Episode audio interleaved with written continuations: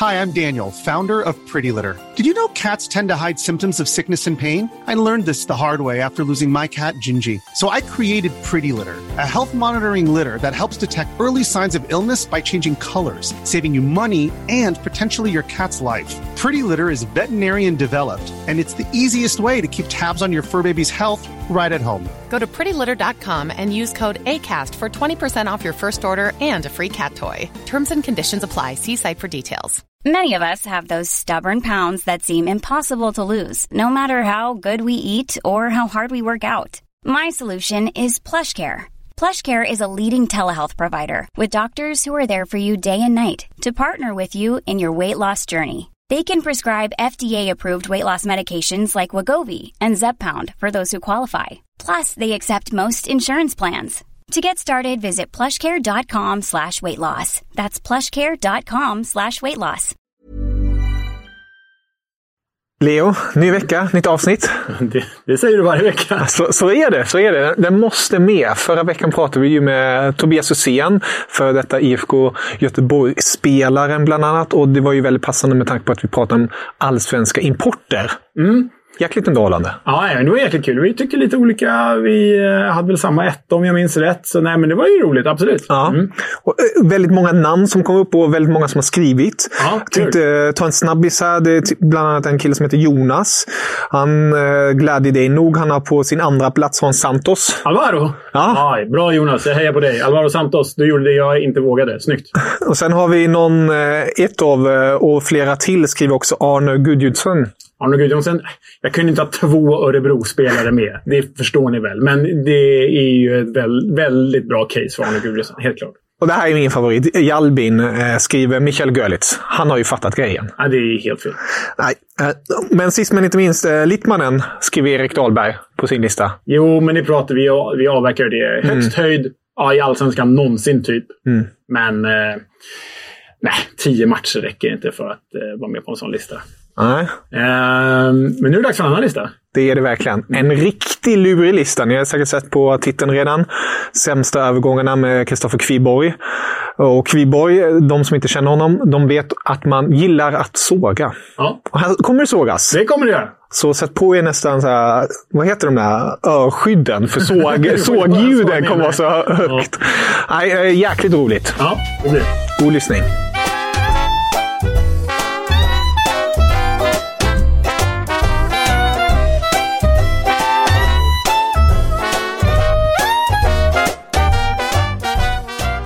Leo, nu sitter vi här igen i vårt lilla gröna rum. Som det är. Mm, det gör vi. Och har ett riktigt roligt avsnitt framför oss. Ja, tror du det? Det tror jag. Det, det är alltså, jag är extremt taggad på det här avsnittet. Det är med en, en god vän som eh, du också känner väldigt länge, om jag inte helt misstar mig. Ja, alltså jag tänkte på det. Här återförenas ju det här korpgänget. Delar av det här korpgänget som jag glömt bort. Vad- Just det. vad- vad- FC Birken. FC Birken, just, Just det. Så spelar vi tillsammans. Det är alltså Kristoffer Kviborg vi sitter med. Ja, korrekt. Stämmer bra Som det. att lyssnarna ska veta vad FC Birken är för någonting. Men där spelade vi tillsammans lite grann. Ja, det var mitt gamla korplag som jag grundade 2002 faktiskt, som höll i sig i många, många år. Ligger på vilande, vilande brits just nu. Okej. Det är viktigt. Som min kropp. Jag väntar på att sonen blir tillräckligt gammal så hoppar jag in igen kanske. Ja, men det, det, det är möjligt. Ja, spännande.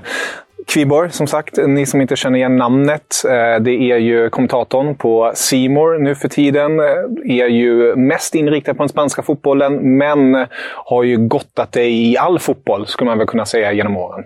Ja, ja, men så är det ju. Jag kör väl, eh, merparten är väl La Liga, även om det faktiskt senaste säsongen och den här säsongen inkluderat har blivit nästan 50-50 med Serie A. Inte mig emot, för jag tycker Serie A eh, har studsat upp rejält faktiskt i, i kvalitet. Jag tycker nästan matcherna där ibland kan vara Alltså ur ett kommentatorsperspektiv lite roligare att göra faktiskt, eh, kontra mot La Liga. Så att jag är väldigt glad att det har blivit en hel del Serie A. Bundesliga gjorde jag i många år, eh, är ju en, en stor favoritliga såklart. Följer med i Allsvenskan också naturligtvis. Och, och Champions League. Så att, ja, jo, internationell fotboll är väl, är väl en bra beskrivning, även om, om La Liga då ändå på något sätt är, är etta för mig. Sen är det ganska allsvensk också. Du driver ju Testa Stör och sådär. Ja, jo, nej, jag är ju en stor nörd när det kommer liksom till lokal sport. Eh, jag kan ju älska att liksom komma hem och bara titta på liksom Värnamo mot Häcken och, och finna njutning i det. Eh, så att eh, AIK och allsvenskan i synnerhet eh, följer jag slaviskt. Mm. Nu ska vi inte snacka AIK den här gången. Kanske blir någon gång i framtiden. Ja, vi Vem kanske vet? snackar AIK då. Vi vet inte vad som finns på listan idag. det, det stämmer. Ja, har de har några kandidater faktiskt, men eh, de kommer inte hela vägen upp på topp fem. Ja, ni som har läst rubriken till det här avsnittet har ju fattat att nu ska vi snacka om verkligen de sämsta övergångarna i världsfotbollens historia, enkelt sagt. Mm. Och det är ju ett ämne som är brett så in i bängen. För det kan ju vara allt från en superettan-gubbe till en profilerad miljardvärvning till Real Madrid till exempel.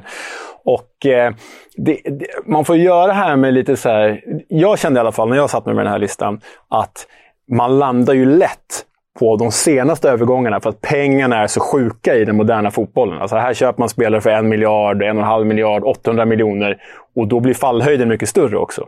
Och jag har försökt att ta från lite o... Alla, från då det kostade mindre och från nu. Jag har försökt att blanda det, men ordet är ju fritt. Det är en subjektiv lista. Liksom. Ja, ja. Nej, men det, det, var, det var en tuff uppgift just för att materialet är ju så brett. eh, och jag var också lite inne på det där, nu kommer jag kanske landa mer i att det blir de här liksom, miljardfiaskoövergångarna ändå.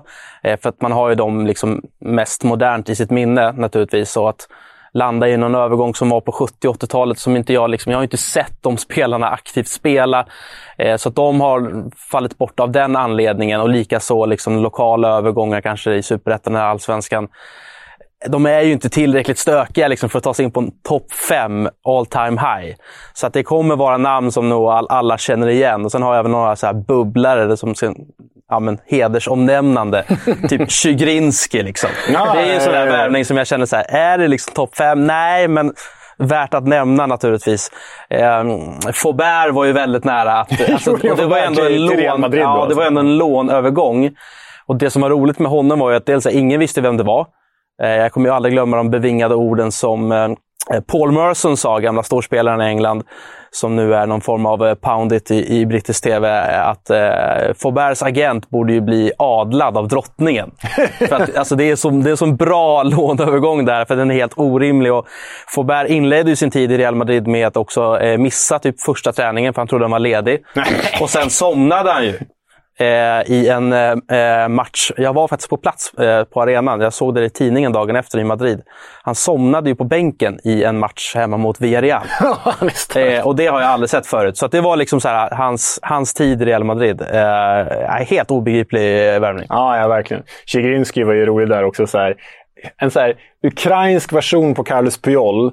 Lika risigt hår, lika hårfager på på, på något sätt. Men otroligt genomusel i Barcelona. Ganska bra i schack där får man igenom. Men, Han gjorde ju någon sån här klassisk match vet jag, som gick till förlängning när han var helt överjävligt bra. Och Jag vet ju att eh, Guardiola köpte honom enbart på grund av den insatsen. Ja. Men det var ju också en tid där Puyol och eh, Piqué eh, redan fanns i Barcelona. Så att, eh, och det, som vanligt när det kommer till Pep, han har ju gjort några, framförallt mittbacksvärvningar. Han har ju lagt miljarder på det. Eh, och det är inte alla som har varit eh, lyckosamma, minst sagt.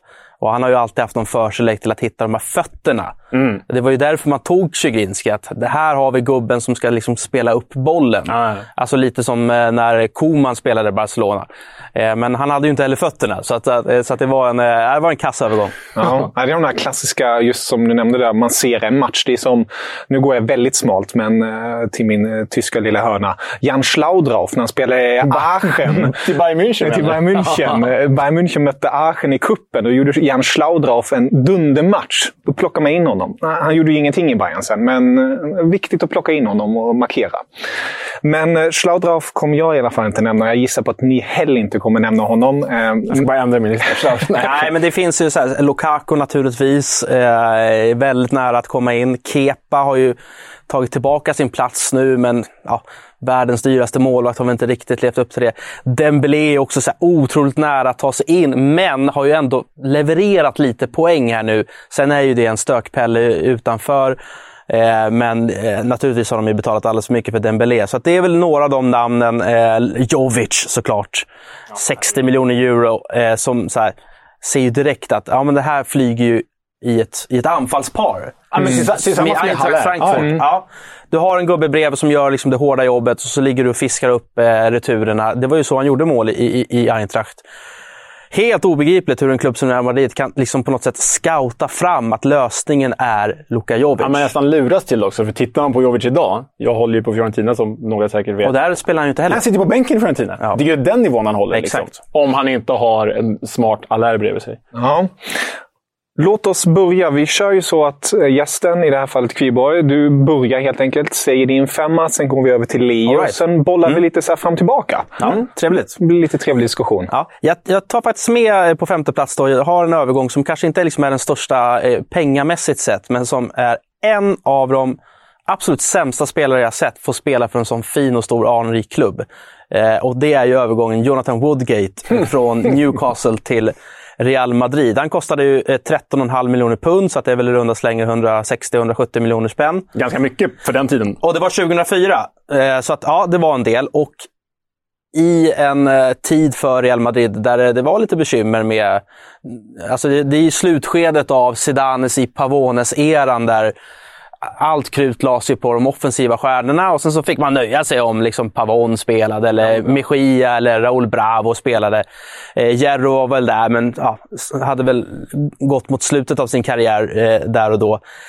Och då tar man ju då Jonathan Woodgate, vilket är helt obegripligt för eh, eh, nummer ett, så här, brittiska spelare har ju ett, ett, ett rykte om sig att inte lyckas utomlands. Det är ju väldigt få britter som, som har faktiskt gjort succé. Beckham, han var ju bra liksom, men sen är det ju inte speciellt många fler som har gjort det bra i andra länder än just i Premier League.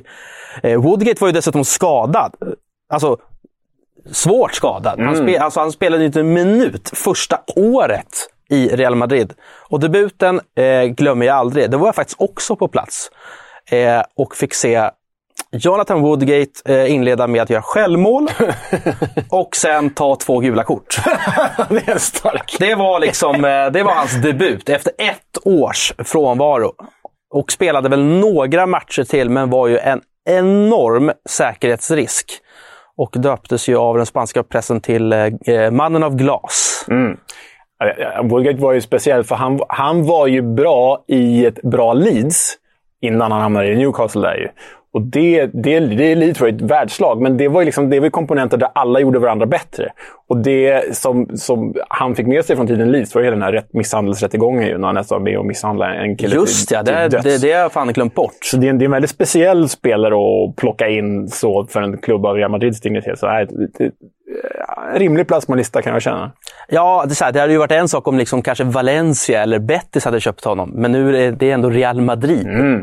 Som alltså så här, bara åren innan har haft liksom Jerro och Manuel Sanchez. Alltså stora backar, Ja. världs, världsspelare. Eh, Woodgate är helt obegriplig övergång. Ja. Vad kontrar du med, Leo? Ja, men, eh, eh, jag har faktiskt en spelare som inte heller kostar så mycket. Eh, och Det är lite samma era, lite tidigare. Han kostar faktiskt inte en spänn. I alla fall övergångssumma. Eh, kostade dock jävligt mycket senare. Men det är Winston Bogarde. Ja, ja men det är, det är ju en favorit. jag älskar ju Winston Bogarde. Från Barcelona till Chelsea år 2000. Eh, Bosman-värvning, gratis, till, till ett storsatsande Chelsea. Det här var ju inte Abramovic Chelsea, men det var ändå Chelsea som var så här flärd och skulle värva stora spelare. Det var väl kanske till och med Vialli, nyligen bortgången, som plockade in Bågar det här. Men på de fyra år han representerade Chelsea, det här var ändå ordinarie holländska landslaget, ska vi tänka på. Han hade spelat i Barcelona, hade spelat i Milan, vunnit Champions League med Ajax. Han hade ju renommé liksom. Men på de fyra år han representerade Chelsea så gör han nio ligamatcher på fyra år. Och det var ju så enkelt för att eh, klubben bytte ju tränare och insåg snabbt att eh, den här jäveln vill vi inte ha. Så vi fryser ut honom. Ja, och fick ju 40 000 pund i veckan vill jag minnas. Ja. eh, vilket var en enorm summa pengar på den tiden. Och var ju också väldigt transparent och tydlig med att jag ska sitta ut det här kontraktet. Ja, Och de försökte ju med alla medel få bort honom. Han tränade ju med reserverna. Mm. Men han kom ju där med sin... Han bodde ju kvar i Nederländerna tror jag och kom ju där varje morgon med sin helikopter. ja, ja han, har- exakt. Han åkte privat helikopter. Eh, och, eh, han har ju haft en hel del eh, fantastiska citat just. Han alltså så här, man får ju ge honom att han, en, han, han har ju självinsikten. Han säger ju typ att så här, ja, jo, jag är medveten om att det, jag eventuellt är en av de sämsta övergångarna genom alla tider. Men hur många människor får den här möjligheten att få den här typen av pengar? Jag, säger, jag, jag måste ju ta den. Ja, ja. Han, han säger ju rent, rent ut så här. Varför ska jag kasta bort 15 miljoner pund när de redan är mina? Och Who Jag can köper blame him liksom? Nej, jag köper det. Jag köper det. Och, och han är ju ändå trogen sitt kontrakt. Han är ju i träning, på träning i tid varje dag med sin jäkla privathelikopter. Liksom. Så Chelsea får skylla sig själva lite kan jag tycka. Här. Men det blir ju en fasansfullt usel värvning ur Chelsea-ögon. Måste ju också ha en av världens bästa agenter, för han har ju också spelat i Barcelona och i eh, Milan. I Milan. Så att, eh, det, det, det är faktiskt helt obegripligt. Ja, det är en riktig klassiker alltså. Kul! Ja, men det, är en, det är en liten favorit. Eh, Han, eh, han, eh, han har skrivit en bok också, vars boktitel jag inte kan av rättsliga skäl nämna i den här podden. Men Nej, det- den, den- den, den, går att rekommendera. Bara bilden på Bogar, där han står med en enorm guldkedja. Och han, han tror ju inte på bankväsendet heller, utan han har investerat stora delar av den där Chelsea-lönen i, i rent guld. Ja, det, den heter ju... Ja, precis. Googla boktiteln. Vi kan inte säga det rätt. Nej, det ska vi inte göra. Nej, vi Det inte. är en stökig boktitel. Ja, så är det. Från stökig boktitel till plats nummer fyra hos dig, Kviborg. Vem hittar vi där? Ja, jag håller mig kvar på brittiska eh, mittbackar. Jag måste, duktiga på det. Ja, men jag måste ta Harry Maguire ändå. För att, här, han kostar ändå en miljard. Eh, och eh, ett jävligt bra exempel på liksom, den här brittiska hybrisen. Att, så här, är någon engelsman riktigt bra en säsong i Premier League, då, då vet man att storklubbarna är där. Och de betalar liksom vad som helst. Det har vi sett med ja, så Jack Grealish och så här. Det flyger sällan. Jack Eh, Rodwell. Ja, precis. Eh, och, ja, men så här, runt en miljard. Eh, och kan ju knappt slå en passning i min bedömning. Såg ju dock, så här, man blir lite lurad, han såg ju overkligt bra ut i ett otroligt taktiskt drillat Ranieri-Leicester. Alltså, det var ju det som gjorde att han kostade en miljard. Men det var ju också mycket på grund av liksom, taktiken. Han såg ju bättre ut. Han såg också ofta bättre ut i engelska landslaget när han spelade treback, för han blev liksom inte lika utmanad. Eh, och taktikerna påminner lite om varandra, att man försöker liksom få motståndarna att komma runt på kanterna. Sen kan ni slå in era inlägg, men då har vi liksom tre världsklass mittbackar här i luftrummet. Eh, och eh, Så spelar ju inte Manchester United, de spelar fyrback. Han blev ju dessutom lagkapten nästan omgående. Eh, och ja, men gång på gång avslöjad. Eh, och nu gör de väl allt som står i deras makt för att, för att bli av med honom. Eh, det är inte en mittback som är värd en miljard, det kan jag säga. Nej, han har ju lite det här emot sig också på lite samma sätt som Phil Jones har emot sig. Att han är så väldigt meme-kompatibel. Att Ja, han liksom- har ju en papphammar-aura. Alltså av av, av att hela tiden ställa till det. Ja, ja, eh, på väldigt konstiga sätt. Ja. Det är självmål, det är eh, otroligt konstiga liksom, beslut med bollen, det ser stabbigt ut. Ja, ja, alltså, ja. så här, allting ser bara fel ut. Och gör ju sina, eh, i alla fall de har spelat med Manchester United, han gör ju dem sämre. Alltså, Lindelöf har inte haft det lätt när han spelar bredvid honom. Det är en men- osäkerhetsfaktor såklart. Precis. Täcka upp för honom. Och sen är du inne på något där med England. England har ändå fungerat rätt bra under Gary Southgate och så, men det är ju en hel, det är ett helt annat spel där. Och Southgate kanske får ut mer av Maguire än vad man fått i United, men det är ju inte en back som ska kosta en miljard här. Han kanske ska stanna i Leicester. Det är liksom den nivån Nej, men felscoutar. Alltså, där kan man ju ta liksom så lokala exempel, typ eh, vad som händer med en viss typ av spelare om taktiken förändras. Jag följer ju AIK. AIK vann SM-guld med en, liksom en defensiv taktik kan man väl säga. Liksom där Ado då låg på mitten och bara fiskade upp allting. Sen helt plötsligt skulle AIK spela Atalanta-fotboll man-man. Då såg ju Ado ut att vara sämst i hela norra Europa på att spela fotboll. För han kunde inte spela man-man. Eh, så att det, det finns ju den aspekten också. Att, att så här, vissa spelare gör bra ifrån sig i vissa lag som har en specifik taktik. Ja, exakt. Nej. Nej, Harry Maguire. Ja, och kapten där också. Det, det tycker jag är mest provocerande. Att han fick kaptensbindeln i Ja, och, United. det- och det är liksom Manchester Ja. United. Ja, ja. Det är ju inte, inte Fleetwood Town eller så. All, allt, Fleetwood Respekt till Fleetwood Town. Um, Leo, vad kontrar du med? Ja, men jag, håller med, jag åker nu till de brittiska öarna också och tar fram en spelare som jag är själv oerhört förtjust i. Alltså jag var oerhört svag för den här spelaren och det här Tottenham som han faktiskt lämnade. Ehm, det är inga fantasisummor den här gången heller, men det är Robbie Keane. Älskade Robbie Keane. Från Tottenham, den var fantastisk, till Liverpool 2008.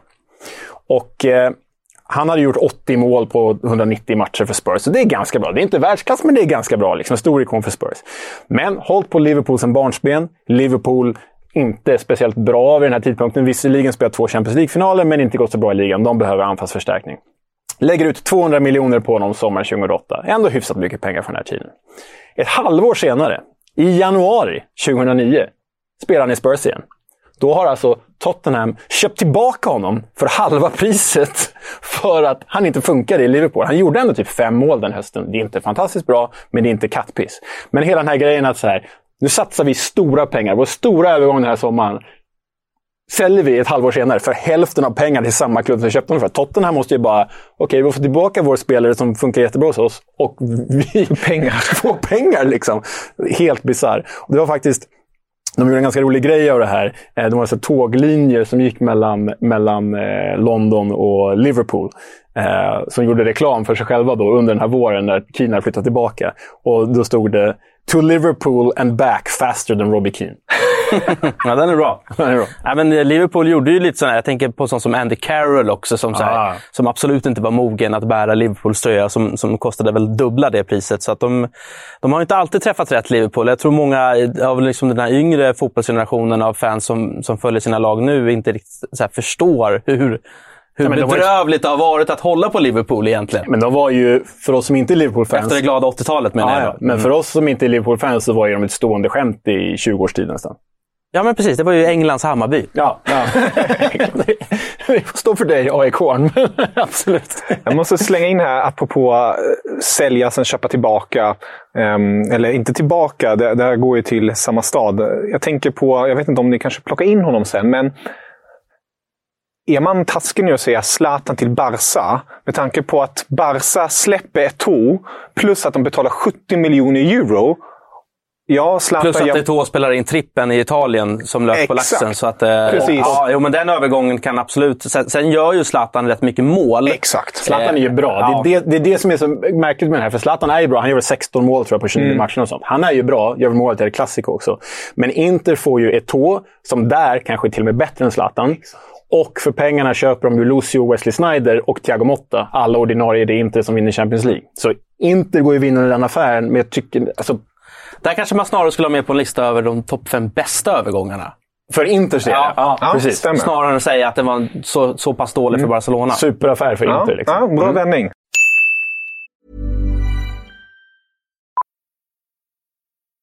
Millions of people have lost weight with personalized plans from Noom. Like Evan, who can't stand salads and still lost 50 pounds.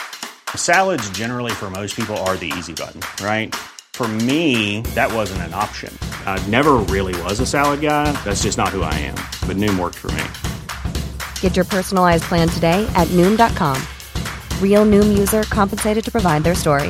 In four weeks, the typical Noom user can expect to lose one to two pounds per week. Individual results may vary. Nu går vi till pallplatserna, Kviborg. Ja, men nu blir det ju mycket Barca och eh, kanske Real Madrid. Då. Jag håller mig ändå till det jag kan bäst och det är ju La Liga. Och eh, de senaste övergångarna, eh, det har ju skett en del eh, kan man ju lugnt säga. Tredje plats Filip Coutinho. Ja. 142 miljoner pund. Alltså med add-ons då, alltså mm. de här mm. bonuserna som faller in. Och det är alltså 1,7 miljarder eller 1,6 beroende på hur mycket pundet står i. Eh, och det är, här har vi en till spelare som man direkt taktiskt ser. Här, vart ska han spela någonstans? Det här var ju ersättaren till Neymar. Jag tror Barcelona var i stor chock över att Neymar försvann på det sättet han gjorde. Fick förvisso in pengar och då blev ju liksom priset därefter på eh, Coutinho. Man har ju betalat alldeles, alldeles för mycket. Åtminstone liksom dubbelt eh, upp för mycket. Eh, och eh, han, han, han var ju inte bra heller, alltså när han spelade. Eh, passade inte in, tycker jag, taktiskt som jag nämnde. Oerhört långsam boll. Långsam och eh, men i en tid där Barcas spel kanske inte alltid flög heller. Och sen är ju liksom det mest häpnadsväckande här är ju att han sen blir utlånad till eh, Bayern München. Och är ju med och gör mål för Bayern när de slår ut Barca med 8-2. Det är ju mm. alltså en av det, det, största haveriet i FC Barcelonas långa anrika historia är ju att förlora en utslagsmatch. Det var ju bara en. Mm. Det var ju pandemisäsongen. 8-2, han kommer väl in och gör typ 7 och 8-2. Numera såld till Aston Villa för 20 miljoner euro. Alltså så här, det, det är över miljarden utöver lönen, kontraktet, i ren förlust. Och att han bidrar, ja, men det blev lite så här Morientes-vibbar när han var i Monaco och slog ut Real Madrid. Även om inte det var samma ekonomi i det hela. Så eh, Helt obegriplig värvning. Alltså prislappen är, den är absurd. Och det, det, är lite lätt att vara efterklok med Coutinho också, för i Liverpool var han ju bra. Mm. Men liksom zoomar man ut på hela hans karriär, så bara Inter, ja, det lyckades han ju inte. Bra i Liverpool. Totalflopp i Barcelona. Egentligen, trots de där två målen, inte bra i Bayern München. Nej, nej, nej. Inte bra i Aston Villa. Så frågan är om det var Liverpool som verkligen fick ut max av den här spelaren som, som kanske inte är på den här nivån. Alltså Barcelona lärt sig luras av det han faktiskt åstadkom i Liverpool. Det, det känns ju som att det är mer så. Verkligen så skräddarsydd, likt Harry Maguire kanske. Nu ska vi inte jämföra dem allt för mycket, men han var i rätt plats vid rätt tidpunkt. Ja, ja, ja, men verkligen så. Mm. Ja, den, är, den var ju länge med på min bruttolista kan jag säga. Ja. Vem har du då på plats tre? Nej, men, eh, Kviborg har redan nämnt honom i, som en outsider. Mm. Men jag måste ha någon från modern tid och då är det Romelu Lukaku från Inter till Chelsea 2021. Då. Alltså, han skulle komma tillbaka till sin favoritklubb. Han har ju alltid hållit på Chelsea sedan han var liten grabb. Liksom. Och fick ju inte riktigt chansen där, Mourinho. Kommer tillbaka, kostar ja, 97,5 miljoner pund. Det är inte Coutinho-siffror, men det, det, det är, siffror. Liksom. Det är siffror. Han har ju skjutit Inter till ligatiteln och vi vet ju alla hur det gick i Chelsea. Alltså, han gör ett par mål mot obskyrt motstånd och det är inte så här matchvinnande mål, utan det är så här, jag gör 3-0 och 4-0 mot ja, Sheffield Wednesday på att säga, men lite bättre än Sheffield Wednesday mötte de i alla fall. Han berättar för Sky Italia hur mycket han saknar Inter och hur han liksom vill återkomma dit när han spelar i Chelsea. Inte så smart. Klagar på Thomas Tuchel, att han inte används på rätt sätt. Och sen fryses han ut och lånas tillbaka till Inter. Äh, det... Chelsea, kom igen det här är inte bra. Alltså. Jag har två Chelsea-värvningar på listan. Och nu verkar ju till och med Inter ha tröttnat på honom och eventuellt skicka tillbaka honom till London. ja, herregud. Och det är, här kan vi skulle göra en lista med så här, snabbaste fall i från topp till botten så skulle han kunna vara med där också. För det är synd, Lukaku är en spelare som man verkligen gillar ju egentligen med det här. Äh. VM hjälpte honom heller inte 2022. Ja, nej. Det där inhoppet mot eh, Kroatien, ja, nej, just det. Fy satan. Mm. Nej, eh, Lukaku. Det är, jag har en annan eh, Premier League-spelare, men eh, jag tror, jag vet inte om Kviborg, du, du nämnde att du håller dig till Spanien och mm. nere. Så jag, jag, slänger in det här namnet ändå. Med tanke på helhetspaketet har jag tänkt på lite.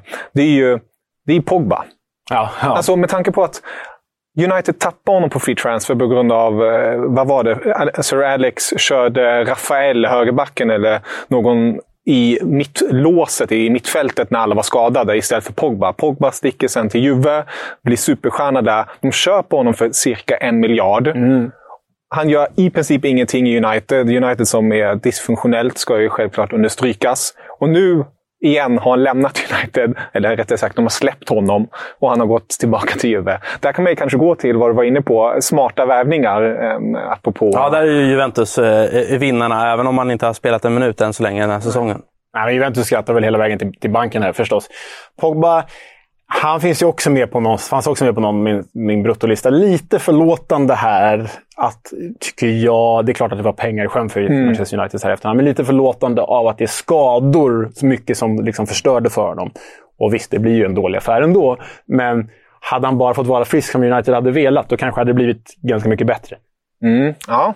Plats två, nu, nu börjar det hetta ja, till. Nej, men, eh, plats två är en spelare som jag idag tycker har fått nytt liv. Eh, Antoine Griezmann. Mm. Eh, EMs bästa spelare om du Ja, men absolut. Det går, ju, det går ju definitivt att hävda det i alla fall. Eh, och eh, har ju skolats om lite till, till central mittfältare och det funkar ju bra i Atletico. Men eh, den här övergången följde jag mycket. Det var väl 2019 då, eh, där eh, Josep Maria Bartomeu var president i Barcelona. Eh, är väl en av deras sämsta presidenter. Eh, nu när vi vet hur illa det faktiskt var. Topp fem sämsta presidenter. Ja, den kommer. Och man visste faktiskt redan 2019 att här, ekonomin var inte riktigt på plats i Barcelona. Hade ju ett otroligt stjärnspäckat lag. Eh, och eh, jag vet att spanska tidningar skrev ju väldigt mycket om att så här, många i dåvarande spelartruppen var ju emot att Griezmann skulle komma. Eh, man såg liksom inte riktigt var ska han få plats någonstans. Men Barca hade bestämt sig. Man betalar 120 miljoner euro, vilket var utköpsklausulen. Och dessutom ger man ju Griezmann en fruktansvärt hög lön. Alltså det är ju galna pengar han har i lön. Och i svallvågorna av hans kontrakt, vad händer då? Man kan ju inte registrera Messi. Nej, det är så sjukt. Man får släppa Leo fucking Messi. Det är så sjukt. Och det är ju till stor del för att det här jävla kontraktet med Griezmann är ju så brutalt stort. Ja. Att man kan inte trycka in båda. Eh, och även här, uppenbart att Griezmann är en fantastiskt bra fotbollsspelare, men han är inte liksom Barca taktiskt kompatibel. Han är ju inte den här liksom Neymar, snabba dribblen, utan det är en smart fotbollsspelare som passar väldigt bra i Atletico de Madrid.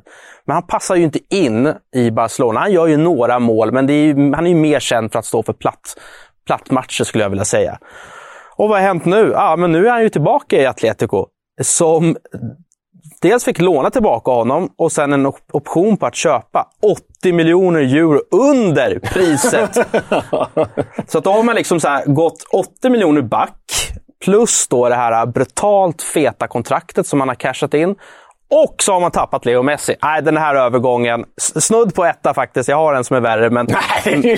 Men, jag börjar känna att det här ska vara min etta. Men alltså det, jag håller med om eh, att, att det här är liksom, det här är, ja, men så här, och vi vet ju nu hur kass Barsas ekonomi eh, är. Men den var, den var svajig redan. Och sen dessutom, det här är ju året innan pandemin och det är tomma läktare. Det blir bara ännu värre. Så att tajmingen är ju också otroligt risig. De försökte ju köpa sig ur problemen. Likt alla Championship-klubbar som bara värvar sig, eh, försöker värva sig ut i Premier League och slutar i League One istället. Ja, ja, fruktansvärt. Det här är bra. Det skulle verkligen kunna vara etta på båda våra listor. Och just det där med Messi också. Att, att, att det är Ja. en grund till varför det Ja. inte löser sig. Nej, Herregud. shit, man fritt. Ja, nummer två, Leo. Ja, ehm, Går vi tillbaka i historieböckerna igen eller är vi lite mer nutid? Ja, men när vi är lite bak i historieböckerna, vår genera- i alla fall Kviborgs min generations, en av de största, mest korkade byteshandlarna som har gjorts här. Och jag tar faktiskt två år i rad och slår ihop dem till en affär här. För ehm, eh, min husgud när jag växte upp, det var ju Christian Vieri. Jag följde ju Inter väldigt noga. Sen pluggade jag i Florens och så blev jag Fiorentina-supporter. Skitsamma. Men jag följde Inter väldigt noga vid den här tiden i alla fall. Och Inter var ju, till skillnad från den här Zlatan-affären, som var på den tiden kända för att göra kassaaffärer. Och då går vi till sommaren 2001. Det här är följetong då, det kommer bli sommaren 2002 också. Men sommaren 2001 så byter de bort Andrea Pirlo, som inte riktigt har plats Ja, just det. i Lippis Inter. De byter bort honom mot Milan, ska jag säga, ärkerival här, lokalrival. Mot Milans argentinare Andres Guilli, Guillermin Pietro. Vem? Exakt så. Det är ett byte. De får lite pengar däremellan också, absolut. Men det är, liksom, det är inte mycket pengar. Det handlar om typ 40 miljoner kronor. Så Pirlo, som blir ja, men, en av Milans kanske bästa spelare genom tiderna. En av italiensk landslagsfotbolls bästa spelare genom tiderna. Den Ja, talangen spelare. skeppar de iväg för en typ 27-årig Andres Guilli, Guglielmin Pietro. Det är helt otroligt. Sommaren efter, sommar 2002, då tänker de att Nej, men nu ska vi rättfärdiga det här. Nu ska, vi, nu ska vi lura Milan. Så vad gör de då? Jo, Inter byter bort den kroatiska landslagsbacken Dario Simic. Ingen stor spelare. Men byter bort honom och Clarence Sedorf. Stor spelare. Vi pratar om en av Champions League-historiens mest dekorerade spelare. Liksom. De två, med Milan, samma byte igen. Och vad får de tillbaka? Skadebenägna, väldigt snygga ska jag säga, som blir modell sen, men eh, italienska vänsterbacken Francesco Coco och den till Galatasaray utlånade Ymit Davala. Så de byter alltså på två bräden då, men inom loppet av ett år byter de Pirlo, Cedorf och Simic mot Gy- Andres Guillermin Pietro, Francesco Coco och Ymit Davala. Vad fan inte? Med era värsta rivaler. Hur kan ni göra det här? Ja, Keyboard skakar bara på huvudet. Ja, den är, den är, nu när du nämner det, det är, det är, det är, det är ett par dåliga traits. Det, det kan man ju lugnt säga. Det är liksom... Fan, vad, man hade velat vara där vid förhandlingsbordet och bara sett, komma inte dit som du säger, bara, nu jävlar ska vi igen. Och sen bara efter, bara, vad fan gjorde vi? Milan har ju alltså världens bästa centralmittfält i ja, men, sex, sju år där med Cedorf och Pirlo tack vare det där. Det är helt overkligt. Och jag menar, Grilli, han, han var ju en fringe-spelare i Inter. Imitavale gjorde typ inte en match. Och Coco, han, han var ju typ en italiensk landslagsback, men så skadade han sig. Och så, ja, nej, skit inte. Bra sammanfattat.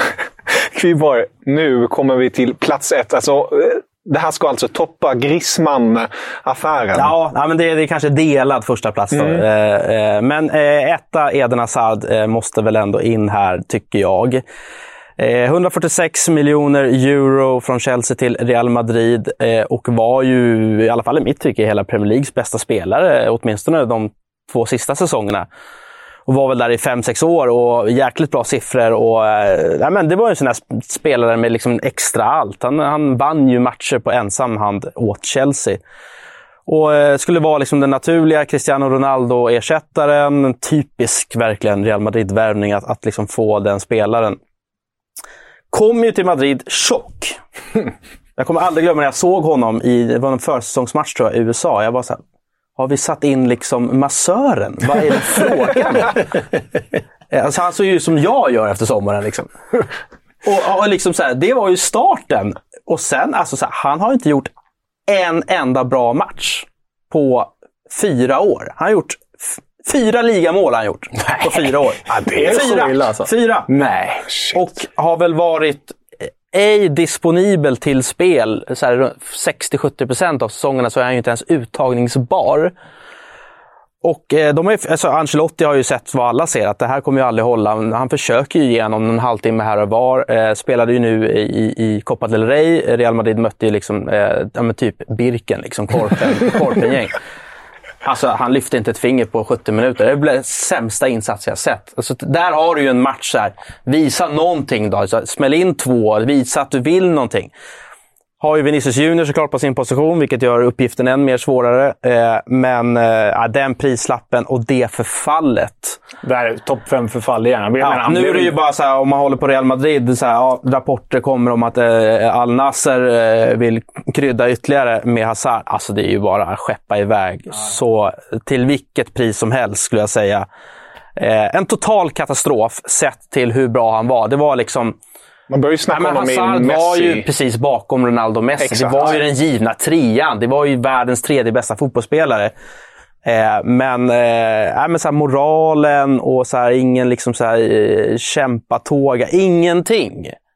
Alltså, så här, folk var kritiska mot Bale sista två åren, men så här, ah, hallå. Avgjorde Champions League-finaler, avgjorde Copa del Rey-finaler. Han gjorde liksom 90 mål på Han tränar i alla 150 fall. matcher. Så här, Bale var en bra värvning. Mm. Sen kanske karaktären gjorde att man störde sig på honom, men går inte ens att jämföra med, med Nej, Eden nej, Hazard nej, nej. som...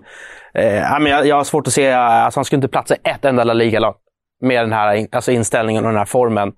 Bara Eh, kolla i VM Nej, också. men så komma, fan, är han Antonio Casano eller komma fet till försäsong? så det, det går inte. Och kolla i VM. Han blev väl uttagen i VMs sämsta lag och bråkade med Jan Vertongen. Och, äh, det- Totalt Det, katastrof. det är ju sorgligt verkligen. Ja, det, det- det är ju det- verkligen... Där snackar vi förfall. Ja, verkligen. Det, det, det är, ja, Vi får göra den listan. Det blir svårt att Toppen. toppa. Ja, det är ju Lukaku och Hazard har vi redan där. Så det, hitta tre till.